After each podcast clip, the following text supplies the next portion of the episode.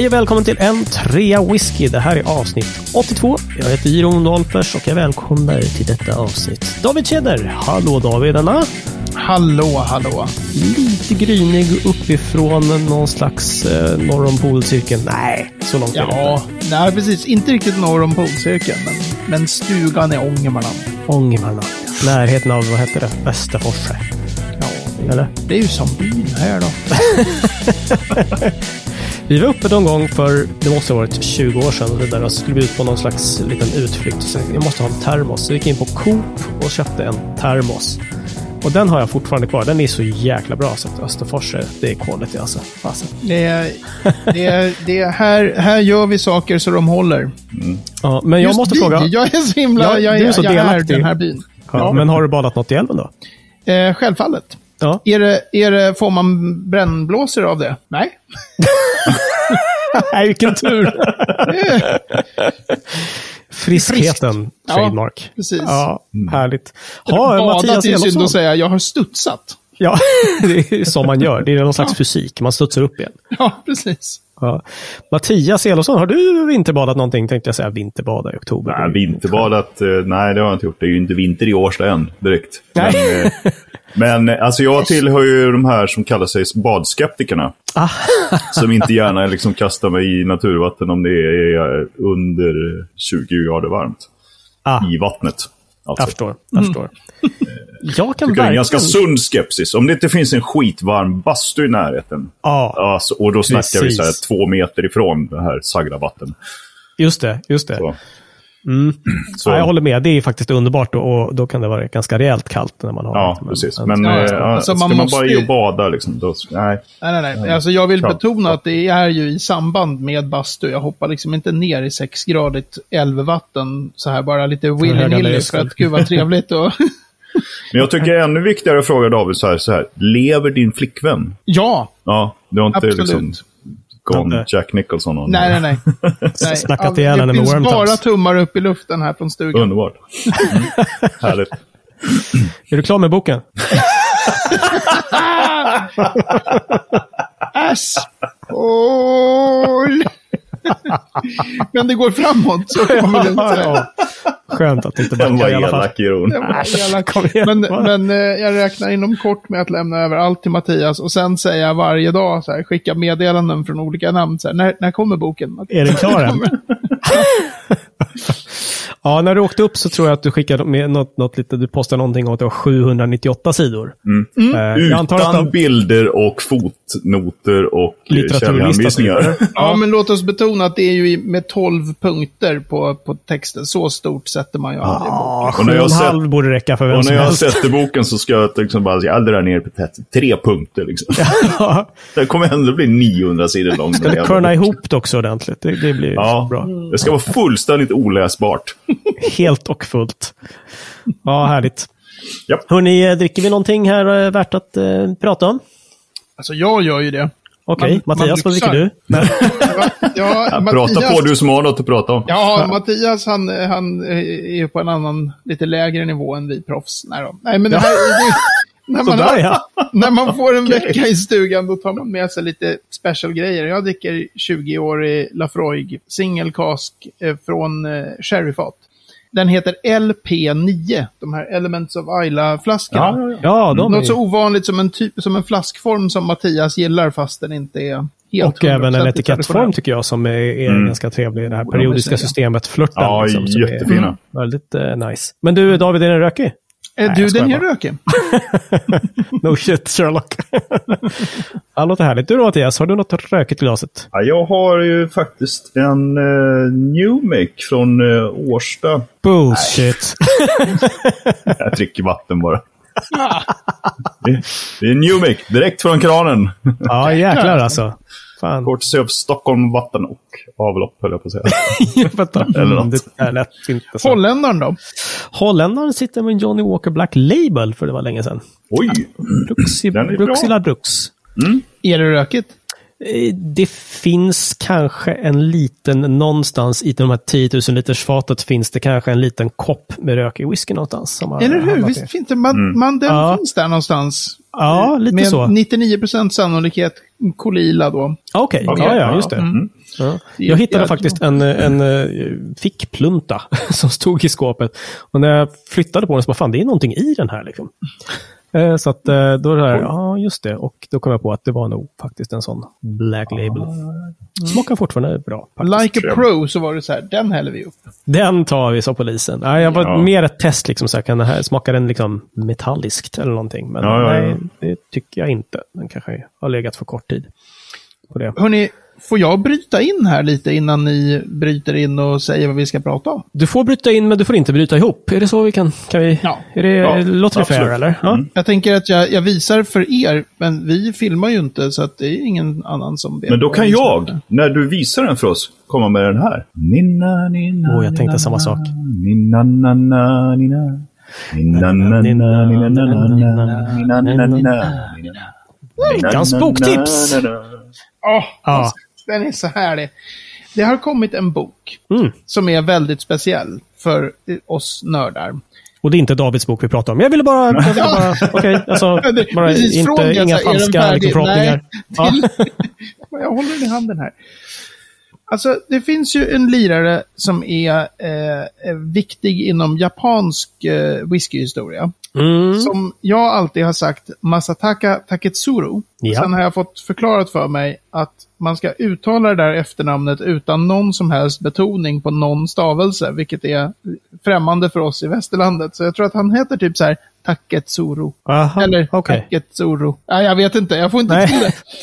Som en Eh, hur som laserstråle helst på så var japanska. han, eh, han åkte till Skottland eh, 1919 eller 1920. Det står maj 1920 här, men det var nog när han skrev färdigt den tror jag. Mhm. Han åkte till Skottland för att lära sig att göra whisky. För han skulle sen åka tillbaka till Japan och jobba för, eh, vad heter han då? Shin, Shiniro, Shinro någonting, Tori. Mhm, Eh, på Santori då. Ah, okej. Eh, och, och, och liksom jobba under honom med att göra whisky. Så han åkte till Skottland bara med tanken att nu ska jag lära mig hur man gör whisky. Mhm. Och då har det i alla år så har, man, har det pratats om så här The Taketsuru Notebook. Liksom. Okej, Boken okej. som han skrev. Hans notebook där han har detaljerat upp allting kring. Mm. Eh, kring hur man gör. Då var han på Hazelburn Distillery. Mm. Apropå det här med namn och som hänger kvar. Hazelburn är ju en whisky nu. Men det Ja, var en gång ett destilleri i Campbelltown. Ja, just det. Just det. Så han typ praoade där, kan man då säga. Mm. Och så ställde han en miljon frågor. Och han kunde inte engelska, så det är ju lite intressant. Men de fick kämpa på där och visa. Shit, Och då skrev han sina de här eh, legendariska The Notebooks. Liksom. Och dessa har nu översatts till engelska. Ah. Så att då finns det som en, som en bok på hur tunn är den? Jag har faktiskt inte hunnit börja läsa den än. Den är bara på 75 sidor. Jaha, Eh, okej. Och så är det alla hans originalteckningar och fotografier och grejer Mm. med det här. Och det är även med en, någon sån stor intro. Och den heter då On the Production Methods of Pot Still Whiskey. Okej. Men du, eh, är den överhuvudtaget läsbar liksom? Eller är det bara liksom tekniska anteckningar och sånt där? Nej, nej, den är absolut läsbar. Det lilla jag har bläddrat och, och läst så är det ju så här. Han skriver ju det här för att fatta själv. Hur, precis hur gör de med allt? Mm, mm. Ja, okej. Och det, det som blir häftigt med det lilla jag har tittat på det är så här, det blir ju som ett fönster in i en annan värld. För man gjorde ju inte maltwhisky på samma sätt i princip före och efter 1960-talet. Mhm. För det är hur så hur många, tänker du då? Mycket, ja, men det här med att man från 60-talet så började ju alla destillerier köpa in all malt utifrån. Ah, ja, okej, okej. Och vissa, så här, eh, man slutade lite senare i och för sig, men många slutade med direkt eldade pannor på den tiden. Mhm, Började köra såna okej. här alltså, ångspiraler in i pannor. Och så här, massor med grejer hände Mm. som gör att om, om Taketsuru skulle kliva upp ur sin grav liksom och åka runt på skotska destillerier idag, Mhm. då skulle han nog känna igen sig bäst på, på just Springbank i Campbelltown, för de har inte ändrat så supermycket. Okej. Men även där har det ju hänt förändringar. Men så här är det liksom självklart att man mältar själv och så här gör man med de här, de här stegen som ingen längre håller på med. Liksom. Nej, just det. Men den här avhandlar alltså hans resa till Skåne, men ingenting om när han kom hem och omsatte det här på något sätt? i- Nej, nej. Liksom. Nej, utan det är, om jag, det är så här, så här, så här betalar de eh, skatt på saker och ting. Så här, det här är eh, eh, hur mycket av allting är försprit i destilleringen i spritpannan? Hur mycket pot ale blir det? Mm. Vad häller man det i för fat? Hur Okej, länge okej. jäser man? Hur gör de med, liksom, så här och så här och så här? Hur mäter Ja, de fattar, alkoholen? Och, och så här. Men det är väldigt roligt just för att det är, de är i whiskykretsar väldigt omtalade de här. Och Ja, lite okej. legendariska, typ så här, hans notebooks. Just det. Så det skulle du säga att, eh, att det är liksom för den eh, japanska whiskynörden så, så är det här en given julklapp alltså? Definitivt, och även, även för, liksom, för vem som helst som är tillräckligt intresserad av whisky för att hålla på och läsa böcker om whisky, så är det Ah. här en, en, eh, en given julklapp i det att det är så här, den här är ganska an, en annorlunda typ av whiskybok. Inga Just det. smaknoter eller något sånt där, utan bara, Nej. liksom, Aha, okej. Coolt. bara hans beskrivning av hur man gjorde då på Mm, mm. ett sent 1910-tal. Ja, men Med spännande. notorisk japansk noggrannhet. Ja, verkligen så. Mm. Det är mycket underbart. nogsamma teckningar av så här, så här ser termometern ut. det är liksom... Ja, Är det otroligt? inget åt slumpen liksom. Nej, Nej, men eller hur? Vi kan väl också eh, nämna i, i ämnet boktips så har det väl kommit en ny upplaga av uh, Malt Whisky Yearbook. Inga Röndes eh, eh, årliga utgåva. Mhm. Intressant att kika på. Så Mm. det är så. Jag har Absolut. inte, inte köpt någon än, så att jag vet inte. Men eh, den brukar ju hålla hög kvalitet, kan man ju lugnt säga. Mm, verkligen. Den är essential reading. Den, den behöver man köpa varje år. Alla Yes. världens destillerier. Eller Yes. maltdestillerier.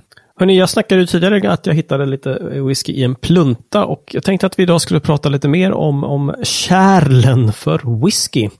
Eh, nämligen flaskor, whiskyflaskor. Det, här, eh, det har inte alltid varit glasflaskor. Eh, utan jag tänkte kolla med dig David lite grann, så här, vad fasen var det för kärl man körde liksom in the beginning?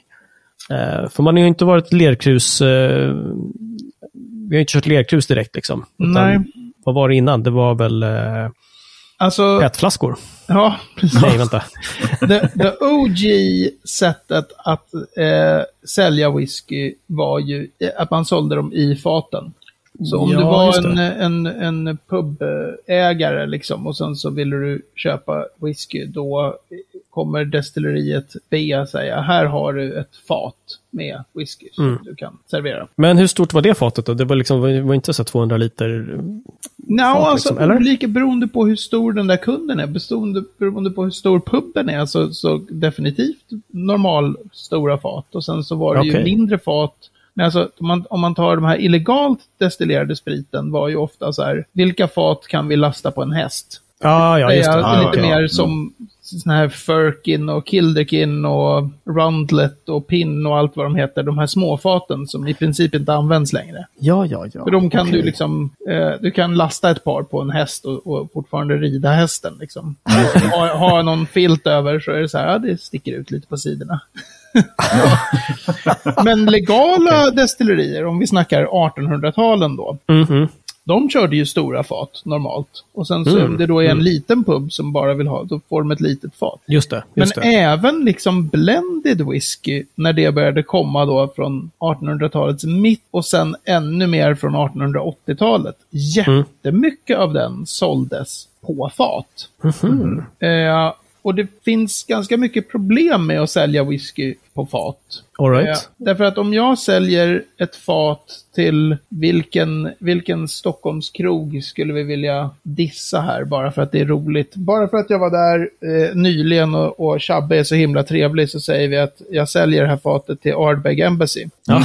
Men eftersom Chabbe är en sån ofattbart opolitlig och, och ondskefull människa ja, jo, Så- verkligen. Eller? så har ju han möjligheten då, när han har ett helt fat från mitt destilleri på sin, Mm. och det finns inga flaskor. Det är ju bara att slå ur bungen, hälla i mer vatten, eh, hälla i lite terpentin, om det blev lite för mycket Jo. vatten, hälla i lite läkarsprit för att det blev lite för svagt, hälla i lite sherry för att det blev konstigt. Alltså, Okej. man har ingen Mhm. kontroll. Nej, Producenten just har ingen kontroll över sin produkt när man släpper iväg ett fat. Just det. Och ska man, apropå boktips, ska man läsa någonting som är riktigt, riktigt roligt att läsa, ska man läsa en bok som heter Bad Whiskey av Edward Burns. Jaha, Nu okej. kommer jag inte ihåg när den skandalen var, men det var väl runt sekelskiftet 1900. Så Jaha. åkte de ju runt på olika, i olika krogar i Glasgow. Och så gjorde de så här kemtester av det som såldes som whisky. Och sen har han Ah. gått igenom i efterhand hur hela den här dealen med vad man köpte för konstiga färgmedel och terpentin och annat vidrigt som,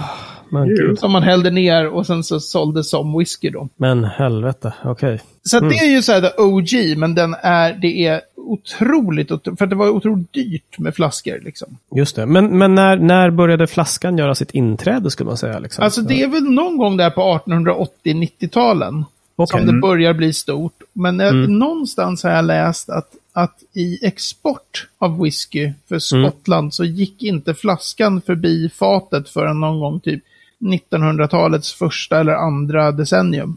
Åh jäklar, det var är så länge alltså. alltså, alltså, relativt sett då, så är Ja, det ja, ja. länge som man höll på att skicka iväg fat.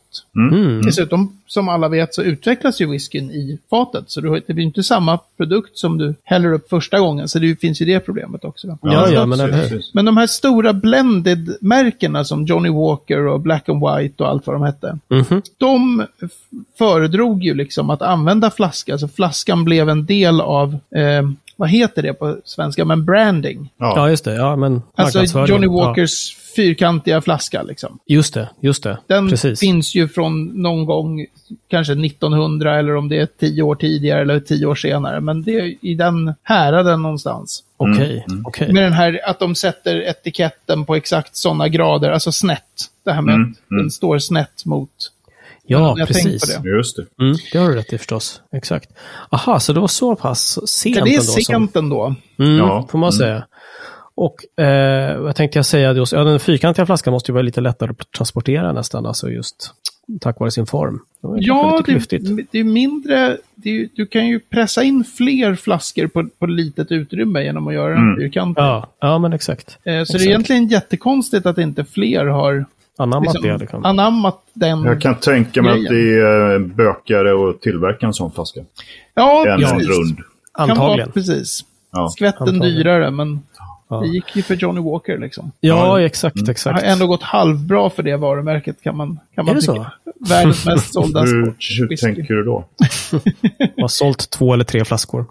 Men det är också roligt att, att redan från tidigt så börjar man även jobba med, eh, vi har ju mycket böcker idag, men Nicholas Morgan har ju skrivit en bok om Johnny Walker. Jaha, Eh, som heter någonting med stride, long stride, the long stride eller något sånt. ja, just det. Mm. Ehm, och han beskriver ju hur, hur man jättetidigt får det här problemet med fakes även i flaskor. Ja, ja. Alltså, Ah, all på, right. på baren så har de, när de har sålt slut på sin Johnny Walker så, så fyller de med vad som helst bara. Återfyller i samma flaska. Ja, just det. Just Ja. Det. Så man jobbar på de här, att utveckla flaskor som inte ska kunna återfyllas. Ni vet den här barstilen när det är som en liten plastgrej med ett litet, litet hål. Precis. Ja. Den grejen är då från långt före första världskriget. Den Jaha, den mekanismen. liksom. Okej. Okej. Att den ska vara så här, en flaskan som inte går att återfylla. Nej, nej, nej. Okej, smart. All right, jag fattar. Men okej, eh, form på flaskan, där finns det ju liksom är ganska mycket som är gjort. Sån här färg på flaskan tänker jag. Eh, Grönt versus klart glas. Har det någon som helst praktisk betydelse David? Vet du, alltså, det finns ju, eh, man ska ju liksom ha undan alltså, Ljus bryter ju ner en, en, eh, en dryck som whisky. Mm. Även i flaskan va? Liksom. Just det. Men vet du om det är någon praktisk skillnad liksom? Grönt versus klart, eller är det bara liksom en designgrej? Det vet inte jag. Jag vet att det sägs. Mm. Dem, men det, det där är också lite så här, det är lite lurigt för att de som kör genomskinliga flaskor Mm. kommer ju aldrig säga så här, "Ja, vi gör det för att er whisky ska förstöras så snabbt som möjligt av vattenskotaren i solljus. men, drick den snabbt för annars så kommer det precis, åt drick helvete. den fort. Men de som sen kör med typ grönt glas kommer ju givetvis använda jag menar, jag kan tänka mig, det här är också totalt från höften, men kommer ni ihåg första gången när jag hade köpt en Ardbeg 10? Den Mm. har ju ganska mörkt grönt, man ser inte Ja. whisky. Nej, just det. Just det. Nej, just det. Man ser knappt att det är whisky i flaskan liksom. Nej, Och sant. så hällde man upp den där och så bara tänkte man, va? Här kan jag Ja, inte smaka någonting. Det är ju för fan vatten. Just det, Mm, den är mm, jätteljus i färgen, ja, precis. Blir Ja, man man var van vid liksom Lafroig med färgmedel. Mm. Ja, Så, ja. Man tänkte så här måste whisky se ut. Ja, precis. Bara, vad precis. fan är det här? Så jag kan tänka mig att i själva verket kanske en del som använder gröna flaskor gör det för att folk inte ska liksom bli avtända av färgen på Nej, whisky. precis. Ja, just. Men att man kan använda då, nej men det här är jättebra, för här solljuset eh, håller ju liksom, bryter ju ner whiskyn Ja, just det. i genomskinligt glas. Ja. Så jag skulle Mm. inte lita på när de säger att det är det som är anledningen. Nej, Nej. det låter Ja. väl lite... Men det nej, kanske precis. skyddar mer. Det verkar väl rimligt ändå att det skyddar Mm. mer, tänker jag. Ja, kanske lite grann, men, men frågan är hur mycket. Det, det är ju Ja. faktiskt... eh, Är det någon som använder de här bruna glasflaskorna? Det är inte det va? Det är liksom grönt eller genomskinligt. Eller någon sorts avart däremellan. Ja, Ja, ja, ja, just det. Mattias. Där. Vi var ju inne på Octomore förra avsnittet, va? Ja. De här avlånga, de kör ju så här svart, knallsvarta. Ja. Just det. de, liksom. Men de har väl också några som är liksom så här, typ spraymålade flaskor som är så här ljusblå. Och... Nej, det är Brooklider kanske. Ja, alltså blå, blått glas kör ju Waterford med. Ja. Alltså, det är inte blått glas, utan det är mer som att du har doppat Polerat. ner hela flaskan i blå färg. Ja, ja, ja. Jo, men det, Okej. Brookladdy har gjort några sådana där. Så här, uppenbart liksom. Ja. Just det. Det är ett lager färg på utsidan av flaskan. Ja, men precis.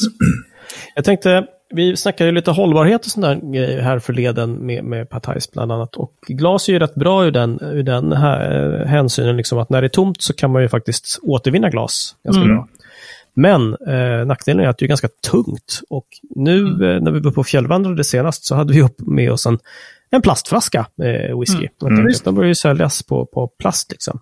Och det där är ju eh, intressant och antagligen lite mer av framtiden. Det känns ju absolut inte exklusivt för fyra öre. Det är ju jättekonstigt Mm. eh, av den, det hänseendet. Men frågan är om det som material kanske är bättre, ännu mer lättare, lättare att frakta saker. Man kan frakta många fler flaskor per, per kolli eh, för att man kan fylla med fler för att det är lätt. Mm. Eh, men frågan är, ja, några tester har vi gjort så det verkar ju inte som att, att eh, plasten påverkar innehållet på något negativt sätt. Men säg att man börjar liksom lagra på sin plastflaska liksom, när det börjar bli bra whisky. Det är ju eh, både konstigt och spännande och intressant. Liksom. Mm. Ja, Det borde Alltså, vara men- bra eftersom det inte finns någon kork som kan läcka i princip, utan de Mm. är ju rätt hermetiskt tillslutna de där. Ja, jo. Men, ja, det, är ju, det sägs ju att, alltså det är ju så här att det finns plast, det finns plast i väldigt olika kvalitet. Jag har haft Mm. samples som jag har ägt som har varit i plastglas Mm. i flera år och utan problem. Okej. Och sen har jag haft andra samples som har legat i annan typ av plast. Som har varit så här, som jag har hällt upp efter en månad och bara direkt känt så här, det här den här whiskyn är helt förstörd. Menar du det? Det här är liksom, Okej. det går inte alls. Men då har man använt fel typ av plast liksom.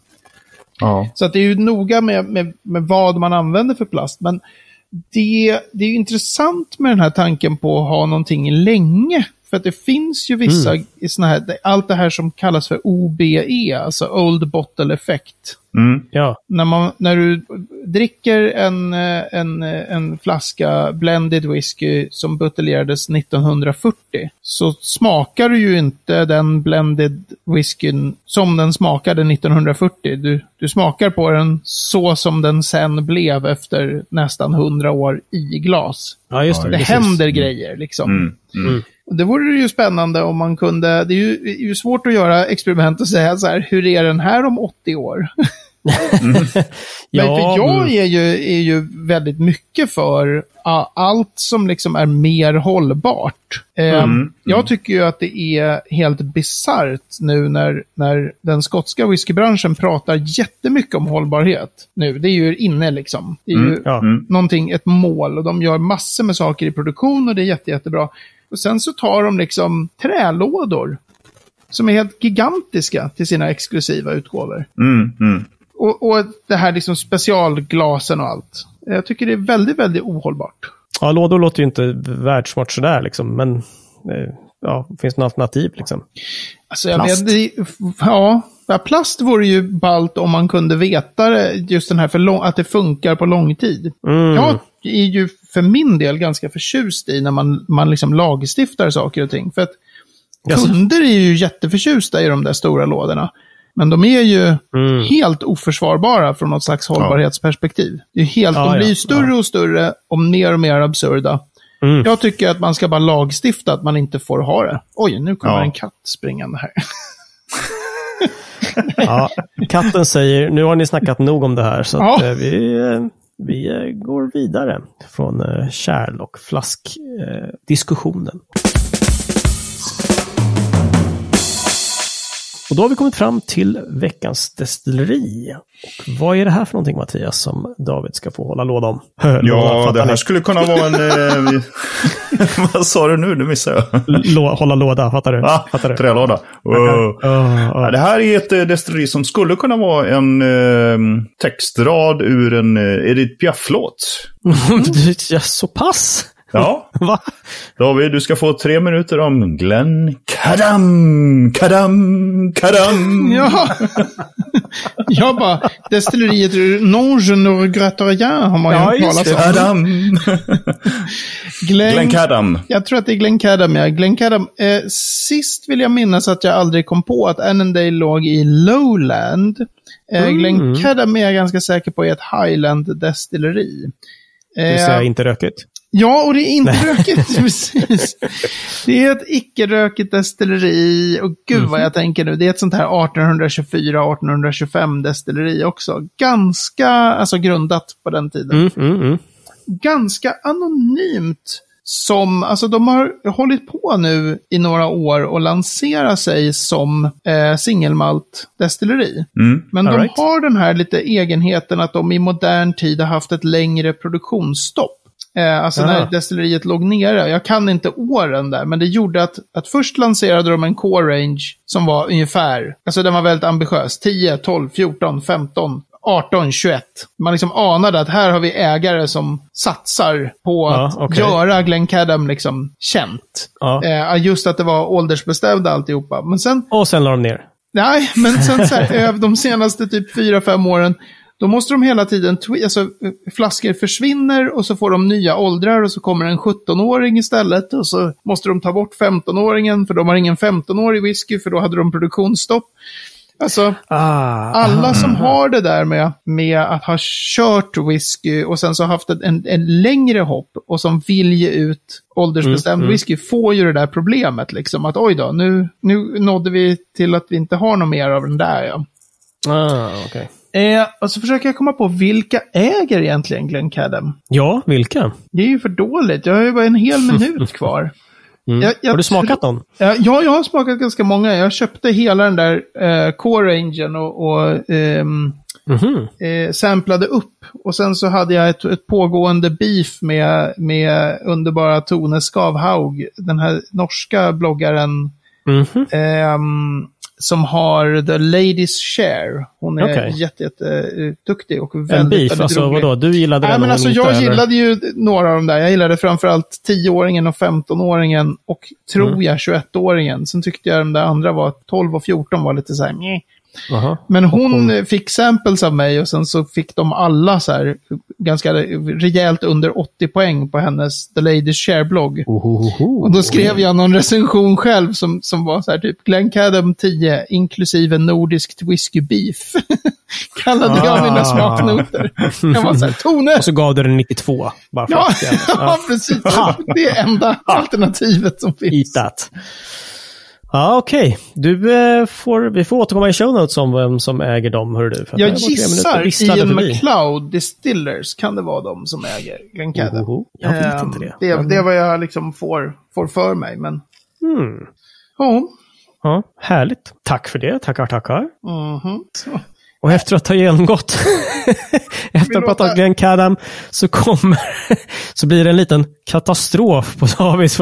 Upp i skärmen dyker en katt upp som stryker sig mot mikrofonen och bara, hej hej. Det är Aramis med? som vill vara med i podden här. Nu håller du, sitter och du suttit och snackat här jättelänge. Nu ska vi gosa. Ja, precis. Verkligen så. Och vem kan värja sig mot en katt som vill ha gos? Ja, inte vi i alla fall. Vi eh, wrappar upp avsnitt 82 här och ser på en 3 whisky 82 så hittar du mer om det vi har pratat om. En karta på var Glen Cadam ligger någonstans. Och kanske några schyssta flaskbilder. Mm. Who knows, who knows. På facebook.com n3whisky hittar du eh, oss och komma i kontakt med oss och hör gärna av dig med frågor och glada tillrop. Det gillar vi. Mest glada tillrop. Nej, mest frågor. Nej, jag vet inte. Dissa också. Vi får ju aldrig någon diss. Nej, och Exakt. Sällan någon skriver så här, fan vad ni är dåliga. Ja, nu, Kom nu igen. kommer du åka på. Fega Ja, jag inte ur nu. Jag lägger upp en smash här. Ja, verkligen. Ja, får vi se då. Du får läsa upp alla, alla klagomål Ja. som vi får sen. Så är det. Okej, men äh, Refst rättar till en klagomål och eh, diss så säger vi tack för denna vecka. Vi syns i nästa vecka. Eller hur? Ja, men absolut. Syns i Mars andra Absolut. skugga och så vidare. Ja, men. Ha det- ha det bra. Ciao! Tja! Hej.